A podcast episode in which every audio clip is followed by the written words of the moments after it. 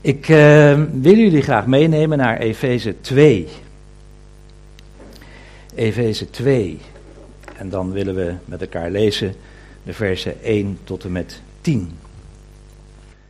En daar lezen wij het volgende. Ook u heeft hij met hem levend gemaakt, u die dood was door de overtredingen en de zonden, waarin u voorheen gewandeld heeft overeenkomstig het tijdperk van deze wereld, overeenkomstig de wil van de aanvoerder van de macht in de lucht, van de geest die nu werkzaam is in de kinderen van de ongehoorzaamheid, onder wie ook wij allen voorheen verkeerden in de begeerten van ons vlees, door de wil van het vlees en de gedachten te doen. En wij waren van nature kinderen des torens, evenals de anderen. Maar God, die rijk is in barmhartigheid, heeft ons door zijn liefde, waarmee hij ons lief gehad heeft, ook toen wij dood waren door de overtredingen, met Christus levend gemaakt. Uit genade bent u zalig geworden. En heeft ons met hem opgewekt en met hem in de hemelse gewesten gezet in Christus Jezus. Opdat hij in de komende eeuwen de, de alles overtreffende rijkdom van zijn genade zou bewijzen. Door de goede tierenheid over ons in Christus Jezus.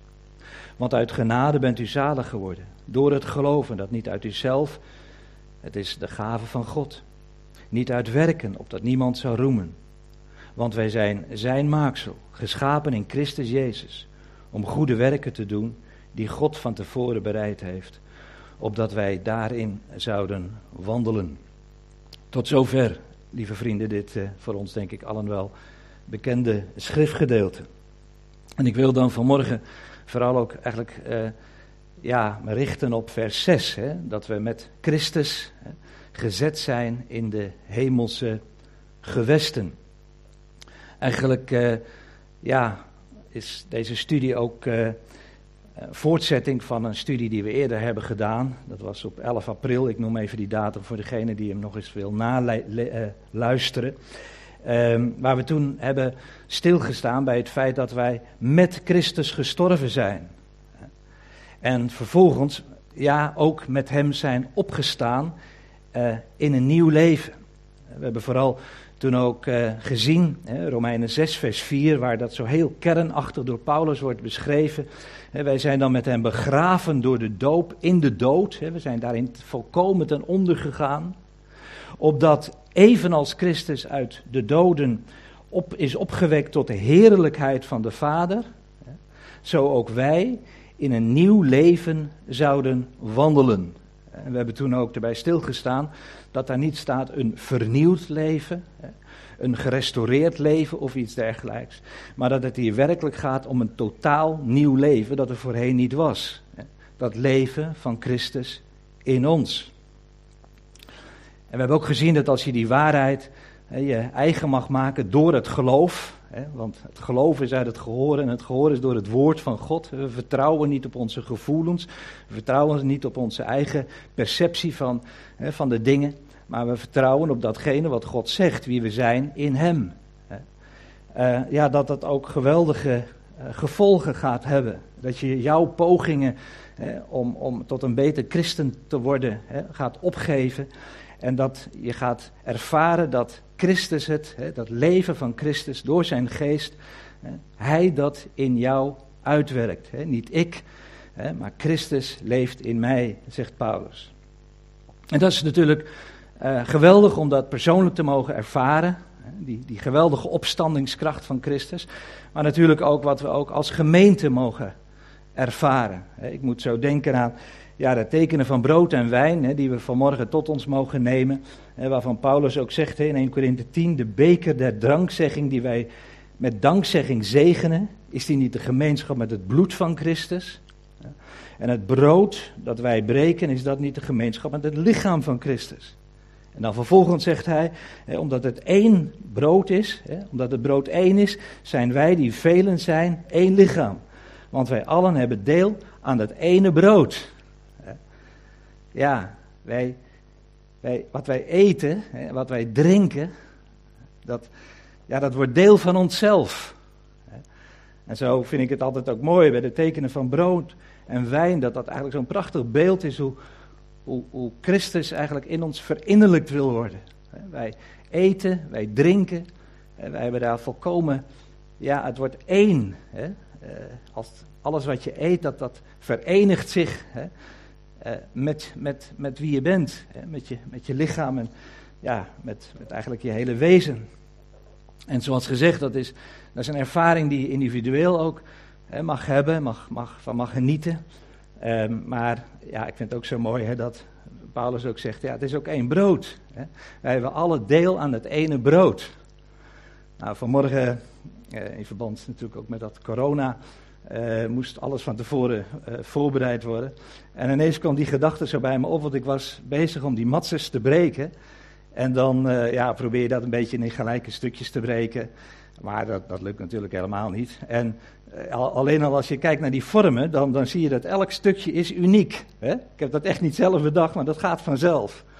Nou, ik denk eigenlijk een prachtig beeld, als we dat straks aan elkaar laten door en mogen doorgeven, dat we inderdaad allemaal hè, individuen zijn. Hè, allemaal, hè, zoals, zoals, uh, zoals Pieter ook al zei, hè, ieder, uh, ja, eigenlijk een deel uitmaakt van het ene lichaam. Met, met, op de plaats waar God hem gesteld heeft of haar gesteld heeft. Allemaal individueel, allemaal met eigen eigenschappen, met, met eigen achtergronden. En toch hebben we deel aan dat ene brood. Dat nieuwe leven, hè, dat, dat we in de Heer Jezus Christus hebben gekregen, dat heeft natuurlijk ook een oriëntatiepunt. Dat heeft een, heeft, heeft duidelijk een bepaalde, bepaalde richting. Ik moet je zeggen dat ik nog altijd een beetje nageniet van het kindermoment wat van Mariska een aantal weken geleden. Zij, zij dat, dat, dat voorbeeld nam van die zonnebloem. Die zonnebloem waarvan de bloemkop meedraait met de zon. Hij richt zich op de zon en, en hij gaat mee van oost naar west. En het mooie is dat, uh, dat, dat gedurende de nacht, uh, dat hij dan weer teruggaat en zich weer keert naar het oosten. Daar eigenlijk wacht totdat het licht weer opgaat. Een prachtig beeld natuurlijk, hè, voor ons ook als gelovigen. Hè, dat we mogen verwachten de komst van de Heer Jezus Christus, dat daar onze ogen ook op zijn gericht. Oriëntatie. En tegelijkertijd dat we ja, ook, ook dacht ik zo, een prachtig beeld er eigenlijk ook in, schuil gaat van in de ochtend. Hè, mogen wij al, al ons oog richten op die plek waar de zon opgaat. Mogen we hè, al in onze stille tijd hè, ons, ons richten op de Heer Jezus Christus. En, en op de genade die Hij ons voor die dag wil geven.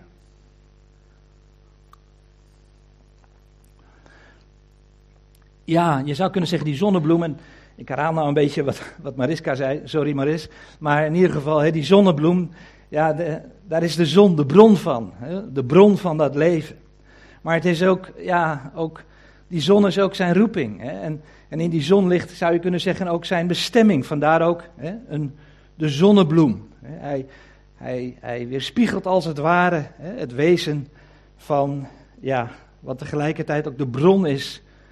De roeping en de bestemming is van dat leven. Um, ja, en dan moet ik ook zo denken aan hoe, prachtig God die, die schepping eigenlijk tot stand heeft gebracht. Hoe prachtige beelden in die schepping natuurlijk ook, ook liggen opgesloten. En, en als je dat ook zo legt naast, naast vers 10, wat we net hebben gelezen, Efeze 2, vers 10, waar Paulus zegt, want wij zijn zijn maaksel. Wij zijn zijn maaksel in Christus Jezus, om goede werken te doen die God van tevoren bereid heeft, opdat we daarin zouden wandelen. Hij heeft ons in Christus geschapen. We zijn zijn maaksel. Eh, en tegelijkertijd ja, komt daar ook werken uit voort. Het is niet alleen maar theorie. En we zullen vanmorgen best wel wat theoretische dingen ook met elkaar bespreken, misschien. Maar, maar het gaat vervolgens ook, ook om de praktijk van de dingen. Werken die God tevoren heeft bereid. En dat kunnen gewoon hele praktische dingen zijn van alle dag, waar we mee geconfronteerd worden. Mensen die op ons, ons pad worden geplaatst, of situaties in, in levens van mensen die, die heel ingrijpend kunnen zijn, waar, waar God ons ja, voor wil gebruiken. En, en, en dat zijn eigenlijk die werken waar we in mogen wandelen. Het is ook, een, ook in alle rust in mogen wandelen, want Hij heeft die werken voorbereid. En dan moet ik eigenlijk weer denken aan, aan, die, aan, die, aan die zonnebloem, die wortels en die tak. Ja, die, die, die, is, die wortels natuurlijk geheel en een deel van die tak zit in die aarde. Nou, zo, zo staan wij ook met onze beide voeten, zal ik maar zeggen, in de klei van deze wereld. Maar, maar we zijn gericht op het hemelse. We zijn gericht, we zijn ook burgers van een rijk in de hemelen, zegt Paulus in Filippenzen 3, vers 20. En daar is ons leven, daar ontvangen we uit onze voeding. Dat is onze oriëntatie, daar mogen wij ons op richten. En vandaar ook dat de apostel ook zegt in Colossense 3, vers 1, als u met Christus opgewekt bent, zoek dan de dingen die boven zijn, waar Christus is, die aan de rechterhand uh, van God is. Ik denk niet dat het in de eerste plaats een, een heel krampachtig iets is, hè, dat, dat zoeken van die, van die dingen van boven, die boven zijn. Uh, maar dat het eigenlijk ook weer zo'n wetmatigheid is. Hè. In die zonnebloem ja, ligt eigenlijk in die schepping hè, van die zonnebloem ligt, ligt, die, ligt, ligt die wetmatigheid helemaal opgesloten. God heeft dat zo, zo gemaakt, dat dat, dat, dat zo uh, zich ontwikkelt. En zo denk ik ook met ons als, als christenen die het bruggen zijn van de rijk in de hemelen, dat we mogen zoeken de dingen die boven zijn, waar Christus is. Dat dat als het ware een, wetmatigheid is die in dat nieuwe leven ligt opgesloten. Ja, inderdaad. Hè, en we hebben daar ook wel eens vaker hè, bij stilgestaan dat Paulus zegt, als je met Christus bent opgewekt. En we hebben toen ook vaker ook gezien hè, dat ja, eigenlijk alleen maar over opwekking kan spreken als er eerst de dood aan vooraf is gegaan. Eerst moet de dood zijn intrede hebben gedaan, wil je kunnen spreken van opwekken. En, en die dood, die heeft zijn intrede gedaan. Wij zijn met Christus gekruisigd. En Paulus zegt er niet, ik leef, maar Christus leeft in mij. Het nieuwe leven dat we in Hem hebben ontvangen. En uh, ja, dat brengt mij dan ook tegelijkertijd ook bij de kerntekst waar ik vanmorgen ook een ogenblik, ik zeg maar even een ogenblik, zet ik een dikke streep onder, want inderdaad, we hebben maar een beperkte tijd vanmorgen. Maar toch, misschien dat je daar ook voor jezelf nog weer eens, ook weer, ja, ook, ook mee verder kunt gaan met, met, met die geweldige rijkdommen, die geweldige rijke waarheden die ons hier worden aangereikt. Uh, vers 4 van uh, Efeze uh, 2, waar staat, maar God die rijk is in barmhartigheid heeft ons door zijn grote liefde waarmee hij ons lief gehad heeft. Ook toen wij dood waren door de overtredingen. Mooi hè? Toen wij nog vijanden waren, zegt Paulus elders in de Romeinenbrief. Heeft God ons al lief gehad. Ook toen wij nog dood waren in onze zonden en misdaden. God heeft ons lief gehad. En dan, dan staat er. Hè, uh, en ook toen wij dood waren door de overtredingen, heeft Hij ons met Christus levend gemaakt. Hè, waren dood, zijn levend gemaakt. En dan zegt hij, uit genade bent u zalig geworden, het zijn geen eigen werken. En heeft ons met hem opgewekt en met hem in de hemelse gewesten gezet, in Christus Jezus. Nou, eigenlijk zie je dat in dat hele onderwijs van Paulus daar een hele duidelijke ontwikkeling in te vinden is. Uh, eerst laat hij zien dat wij, ja, dat wij inderdaad, eh, dat, dat wij gewandeld hebben overeenkomstig het tijdperk van deze wereld, enzovoort, enzovoort. En dan laat hij zien de liefde van Christus die er is voor de zondaar. En dan laat hij zien wat, wat Christus doet. Eh, dat hij ons vanuit die dood tot dat leven gewekt heeft. Dat is geweldig. Maar dan, maar dan gaat het ook verder. Dan, dan zegt de apostel ook ja, dat hij ons ook in die hemelse gewesten met hem gezet heeft. En weet je wat zo mooi is? En dat zijn vaak van die technische dingetjes die toch wel leuk zijn om, om te weten. Of leuk zijn is het verkeerde woord, maar wel mooi zijn om, hè, om, om te weten dat eigenlijk dat eh, met Christus levend gemaakt. Dat, hè, en dat met Christus opgewekt en met Christus gezet in hemelse gewesten. Dat, zijn, eh, dat, dat met hem, dat is eigenlijk, eh, dat met hem gezet zijn, dat is, dat is één woord in het Grieks. En daarom zou je eigenlijk ook kunnen uh, lezen, hè, we zijn samen met hem levend gemaakt. We zijn samen met hem opgewekt. We zijn samen met hem gezet in die hemelse gewesten. En dan, dan staat er feitelijk, hij heeft ons, hè, God heeft ons met Christus doen zitten. Het is niet een eigen activiteit, het is niet een eigen inspanning. Nee, alles komt uit hem voort en komt ook weer bij hem terug. Hij heeft ons met hem doen zitten. En uh, ja, eigenlijk uh, zou je daar een beetje het beeld, maak het een beetje plat, misschien maar kunnen, kunnen, kunnen, kunnen zien van, van dat je op een zeker moment, dat je ergens uh, op een terrasje samen gaat zitten. Samen aan het tafeltje. Daar ga je samen zitten. Nou, dat, dat is eigenlijk, eigenlijk het beeld wat hier wordt gegeven. God heeft ons samen met Christus doen zitten. Hij is degene die dat tot stand heeft gebracht. En dan zegt inderdaad, hè, Paulus, uit genade bent u zalig geworden. Het is inderdaad uit hem. Hij doet ons zitten. Wij zijn leidend voorwerp. Hij doet het aan ons. Hij heeft het aan ons gedaan. En natuurlijk, als je even, ook, even, ja, even op je laat inwerken, dat dat zitten is natuurlijk ook een beeld van rust. Het is de Heer die ons ja, wil doen rusten in zijn volbrachte werk. Hij wil ons doen rusten in datgene wat Hij tot stand heeft gebracht. Hij wil ons doen rusten in wat Hij nu in ons leven gaat uit, bezig is uit te werken. Hij wil ons doen rusten in datgene wat Hij in de toekomst nog, ja, uiteindelijk die weg die Hij met ons gaat, om, om ook werkelijk tot zijn doel te komen. Het goede werk dat Hij in ons begonnen is, zal Hij ook voleindigen. Tot de dag van Christus Jezus, een tekst die hier nog wel eens wordt aangehaald. Het is alles rust. Rusten in datgene wat God gedaan heeft, wat Hij doet en wat Hij zal doen.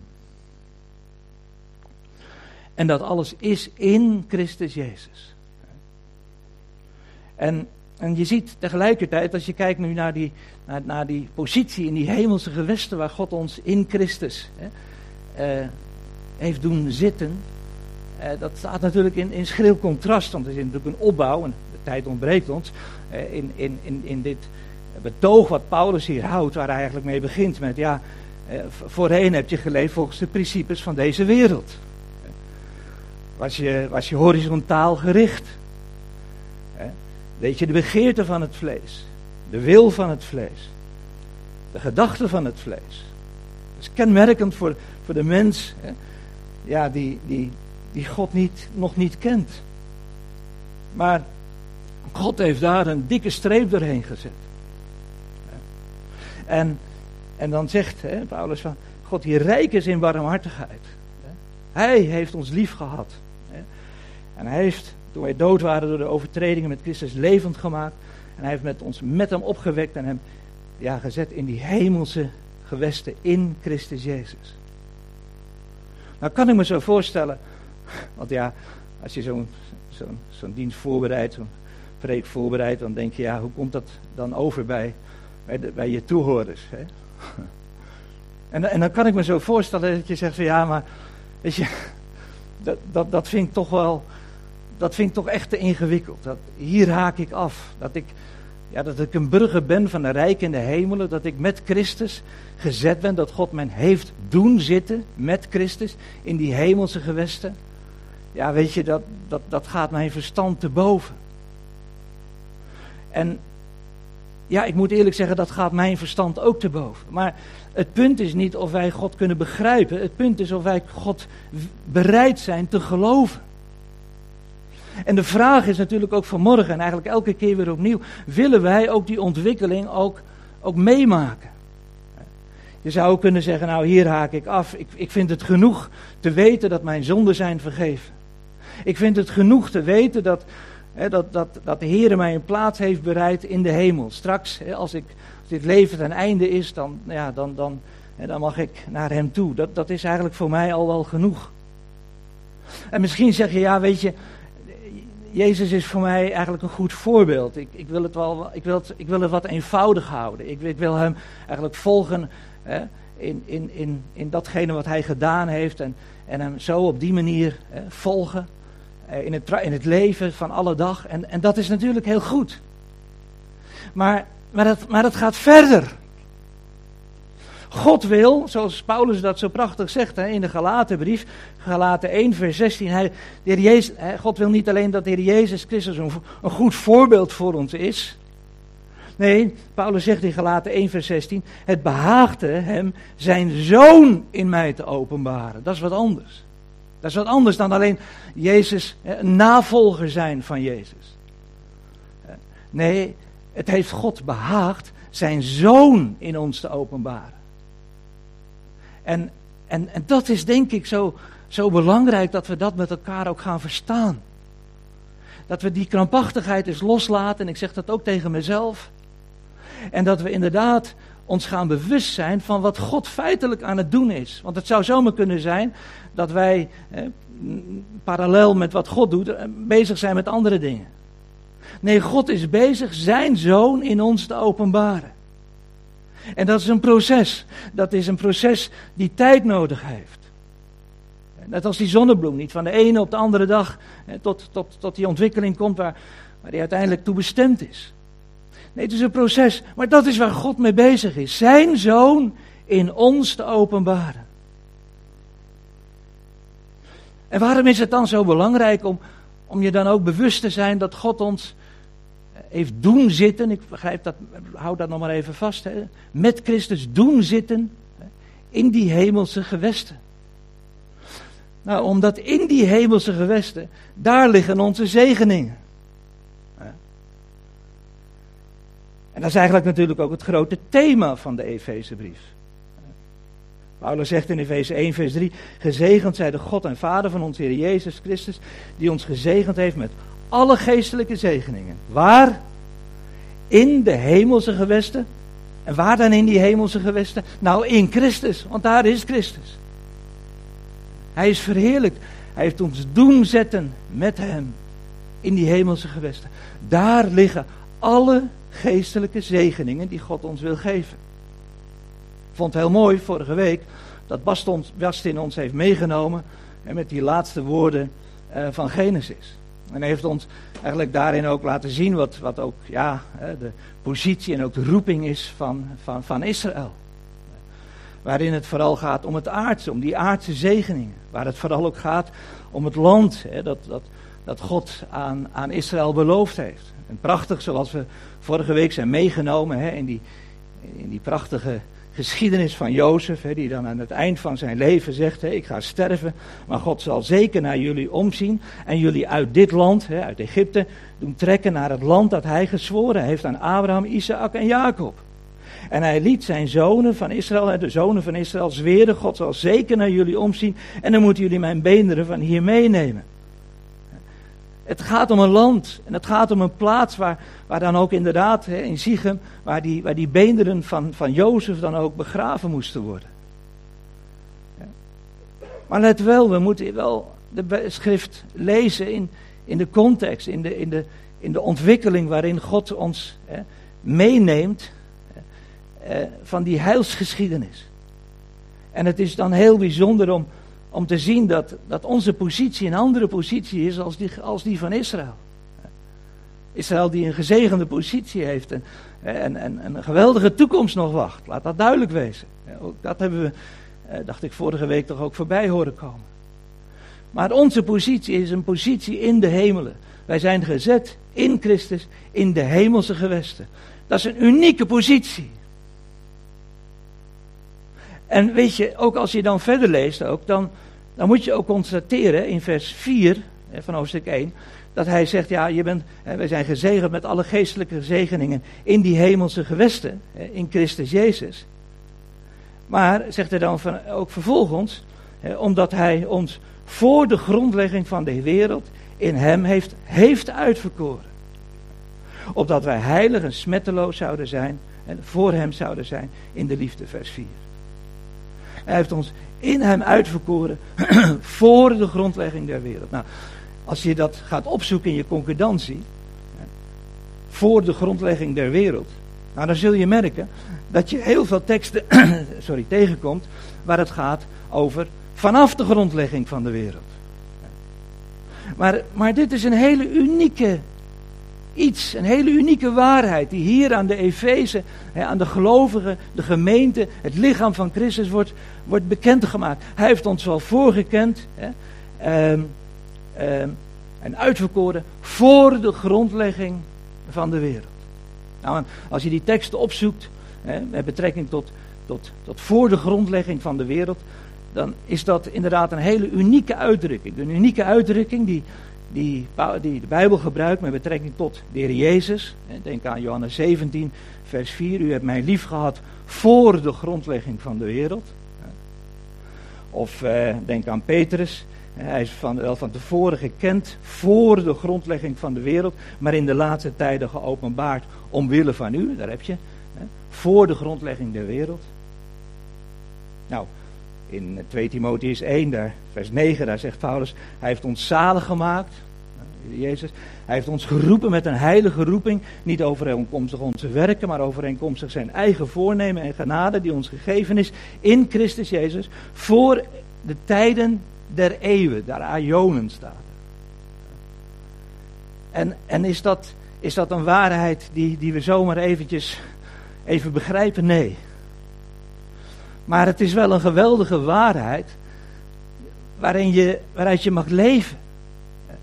Als je mensen vraagt eh, over hun geloof, dan zeggen ze ja, toen en toen ben ik tot geloof gekomen, toen en toen.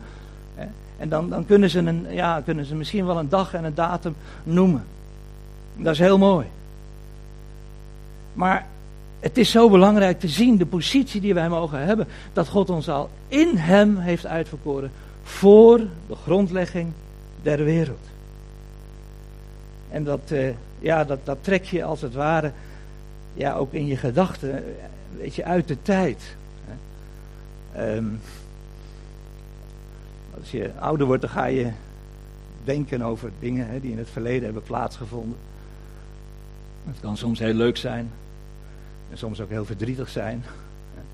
En dan ga je zo je, leven een beetje op een rijtje zetten, wat er gebeurd is. Maar dan, beperk je eigenlijk, ja, eigenlijk die periode hè, van geboorte tot, ja, tot nu. Maar God wil ons eigenlijk in een veel groter perspectief plaatsen. En wil ons laten zien dat Hij ons niet alleen heeft uitverkoren voor de grondlegging der wereld, maar, kijk ook eens naar vers 7, opdat Hij in de komende eeuwen, aionen, tijds, grote tijdsperiodes, de alles overtreffende rijkdom van zijn genade zou bewijzen door de goede tierenheid over ons in Christus Jezus. Ik vind het zo mooi, hè? De alles overtreffende rijkdom. Het overtreft echt alles. Het superlatief die Paulus veel in zijn, in zijn, in zijn, zijn brieven gebruikt, komen we ook hier tegen. Het is inderdaad een alles overtreffende rijkdom van zijn genade die hij zou bewijzen. In de toekomende, in de komende aionen. De komende periodes die nog gaan aanbreken. En dan zien we dus ook dat het heilsplan van God verder gaat dan het hier en het nu. Het Messiaanse Rijk en, en eh, wat, wat straks zal gaan aanbreken. We hebben straks een, eh, daarna eh, ja, komt er ook weer een nieuwe fase waar uiteindelijk God zal zijn, alles en in allen. En, en hoewel de, de schrift daar, daar niet, niet alle informatie over geeft, beslist niet, maar in ieder geval, het, het, het plaatst ons in die geweldige perspectief van, ja, van, van wat God doet en hoe zijn plan uiteindelijk veel groter is dan het perspectief waarin wij de dingen zien. En uh, we zijn momenteel bezig met iemand te begeleiden die het ontzettend moeilijk heeft. En dan, dan, ja, dan, ben je, dan merk je dat zo iemand, en ook jij als hulpverlener, eigenlijk zo gefocust bent op dat hier en nu. Hè. Nu moeten we die oplossing vinden.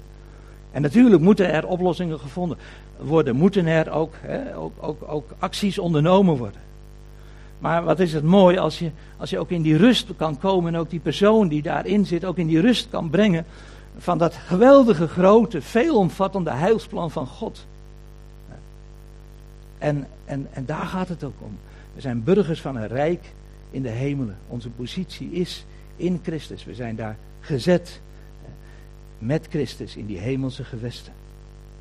En inderdaad, daar zullen we straks ook die alles overtreffende rijkdom van zijn genade de komende eeuwen, de komende ajonen ook mogen gaan bewijzen. Heel belangrijk dat we ook in deze tijd getuigen zijn. Maar belangrijk naar de wereld om ons heen en ook naar de onzienlijke wereld om ons heen. Maar ook zo belangrijk dat, dat uiteindelijk die roeping van ons tot de volle ontplooiing zal komen. Als we straks met Christus daar ook zijn op de plaats. Waar, we nu al geestelijk mogen zijn. Maar waar we straks ook in ons nieuwe lichaam, ook fysiek, onze intrek mogen nemen. Nou, ik sluit af met eigenlijk drie kernwoorden die we hier vinden. En dat is zitten, wandelen en stand houden. En daar sluiten we mee af. En misschien ken je wel dat boekje van. Eh, die, eh, die Chinese evangelist en bijbelleraar. Die, die, die als titel van een boekje heeft gegeven. Is een, een exegese van de Efezebrief. Zitten, wandelen en stand houden. En, en dat, daar, daar, daar, daar, als je het te pakken kan krijgen, misschien is het alleen nog maar, uh, nog alleen nog maar uh, tweedehands te verkrijgen, dat weet ik niet. Um, en misschien wordt het ook nog opnieuw uitgegeven, ik ben het niet nagegaan. Maar inderdaad, eer zitten. Hè. We zijn met hem gezeten. Hij heeft ons doen zitten met Christus. Daar is de rust, daar begint het mee. Dan vervolgens, ja, het wandelen. Wandelen in die goede werken.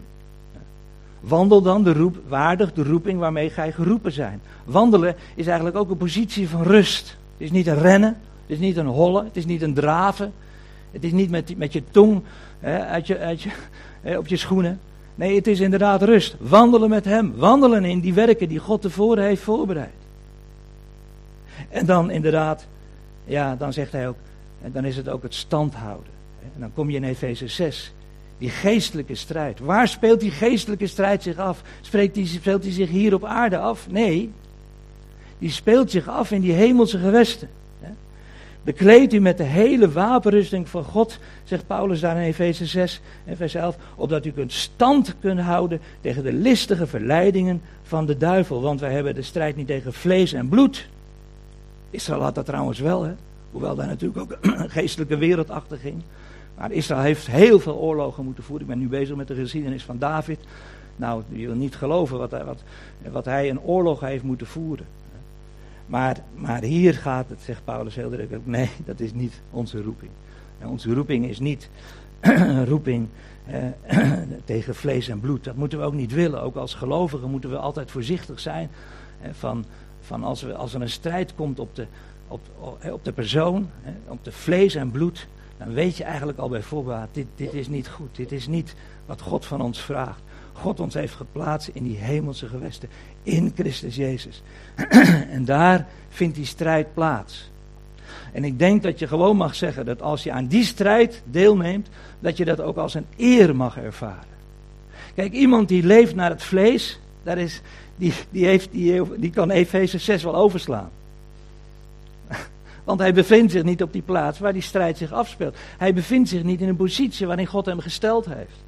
En Satan is er prima blij mee, want, want ja, zo iemand is, kan ook niet een effectief hè, getuigenis afgeven. Kan ook niet een effectief leven, kan niet leven tot eer van God. Maar als je inderdaad gaat leven hè, in Christus Jezus, gaat leven, hè, wat Paulus zegt, dat, dat God zijn zoon in ons wil openbaren. En gaat leven in dat leven, in die positie die God ons gegeven heeft. Ja, dan, eh, zullen we dat ook ervaren. Ook die geestelijke strijd die we inderdaad niet moeten onderschatten. En dan tenslotte, hè, zegt Paulus in Colossense 3 vers 4, wanneer Christus geopenbaard wordt, die ons leven is. dat vind ik zo'n mooie tekst, ik heb er in mijn Bijbel een dikke streep onder gezet. Die ons leven is. Zult ook gij met hem geopenbaard worden in heerlijkheid. Wat een geweldig perspectief. Hij die ons leven is. Hij zal straks terugkomen. We zullen straks ook fysiek in het nieuwe lichaam, verheerlijk lichaam, met hem verenigd worden. En we zullen hem kennen. We zien nog niet qua uiterlijk, hè, dat we zeggen, ja, hoe ziet de Heer Jezus eruit? Ja, dan moet je niet een kinderbijbel gaan pakken. Maar wij mogen hem kennen van binnenuit.